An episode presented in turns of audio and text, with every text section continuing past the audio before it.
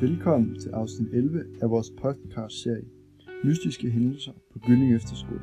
I dag vil jeg fortælle om endnu en mystisk hændelse, der er foregået på efterskolen. Afsnit 11 hedder Kanelgifler, og det handler om en pose kanelgifler, der på mystisk vis bliver spist. Men af hvem? Det var en dejlig varm sommerdag på Gylling Efterskole. Elever var glade, og lærere var glade. Det var ved at være tid til stille time så alle elever søgte over imod brusen for at købe noget at hygge sig med. Jeg ser til min store overraskelse over i brusen, at der var kaningifler på tilbud. Sølle 10 kroner. Det er lige noget for en efterskoleelev. Jeg husker dog også sidst, at det var på tilbud. Det endte næsten i et blodbad. Kanelgifterne blev ribbet, som var det ådsle under kribbe, der ikke har fået mad i en uge. Jeg stikker langsomt min arm ind i blandt menneskemængden jeg får stille og roligt trukket en pose ud fra mængden og lister op til kassen for at betale helt uopdaget. Jeg lægger kortet på og hører lyden af penge, der vælter ud. Men det er det hele værd. Jeg går ud fra butikken på vej over imod skolen igen og tænker, at missionen er gennemført. Nu skal jeg bare sikkert op på mit værelse, hvor jeg kan nyde dem i fred og ro. Jeg får snedet mig forbi både elever og lærere, der kigger meget mistænksomt. Jeg tror endda, at læreren Christina prøver at følge efter mig og se, om jeg har tabt dem. Men jeg laver ikke fejl.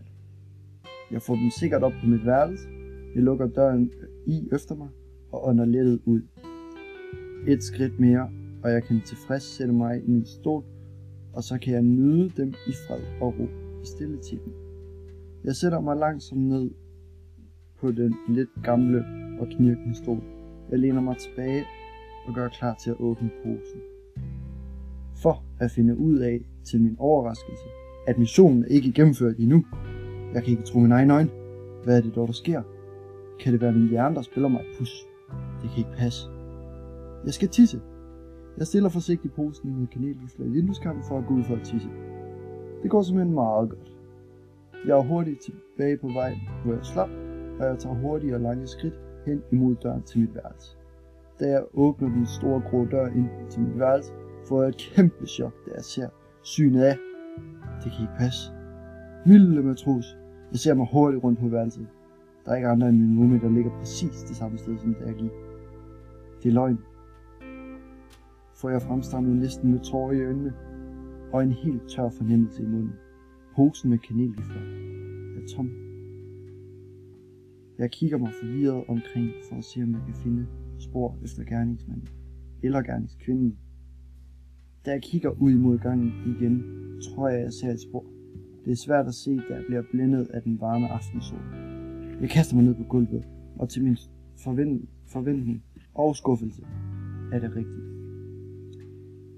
Det jeg ser cirka 4 mm fra mit øje er en krumme fra et kanelgiffel. Det slår mig hurtigt i hovedet, at det ikke er en professionel med at gøre. Jeg skuer frem over gulvet og ser endnu en krumme.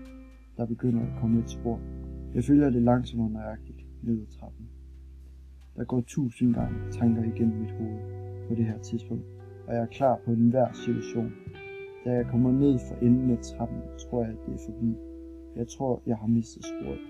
Men i lige det, jeg ved at vende om og gå tilbage, ser jeg endnu en krumme i retning mod lærværelset. Ja, den er god nok. Det er en krumme fra en kanelgifle. Ligesom. Jeg danner mig hurtigt et overblik over situationen og finder ud af, hvor sporet leder hen. Og finder ud af, at sporet leder hen til døren til lærværelset. Jeg kan ikke tro mine egne øjne, men jeg må fortsætte ind på lærværelset. Der er ikke noget, der skal stoppe mig nu. End ikke lugten af gammel kaffe på ostemad. Jeg træder ind på lærværelset og ser til min store overraskelse en, vel, en velkendt skikkelse. Det kan ikke passe. Min egen dansklærer, hvordan kan hun dog gøre det imod mig? Jeg står der helt tom for ord og stiger min nu værste fjende lige i øjnene. Christina. Jeg burde have vidst det. Med den samme person, der prøvede at liste sig efter mig tidligere, havde fået færden af alt det gode, jeg havde medbragt over for brusen. Jeg ser, hvordan hun står der og prøver at, us- at se uskyldig ud, og langsomt gemme den halvspiste kanelgiffel, hun har i højre hånd, og den næsten tomme pose i venstre hånd. Med et vågner jeg og indser, det er et mareridt. Det er nok på grund af den fest, jeg var til i går. Jeg sidder her i min seng, helt tom for ord, og skal lige tænke en ekstra gang over, hvad der er sket.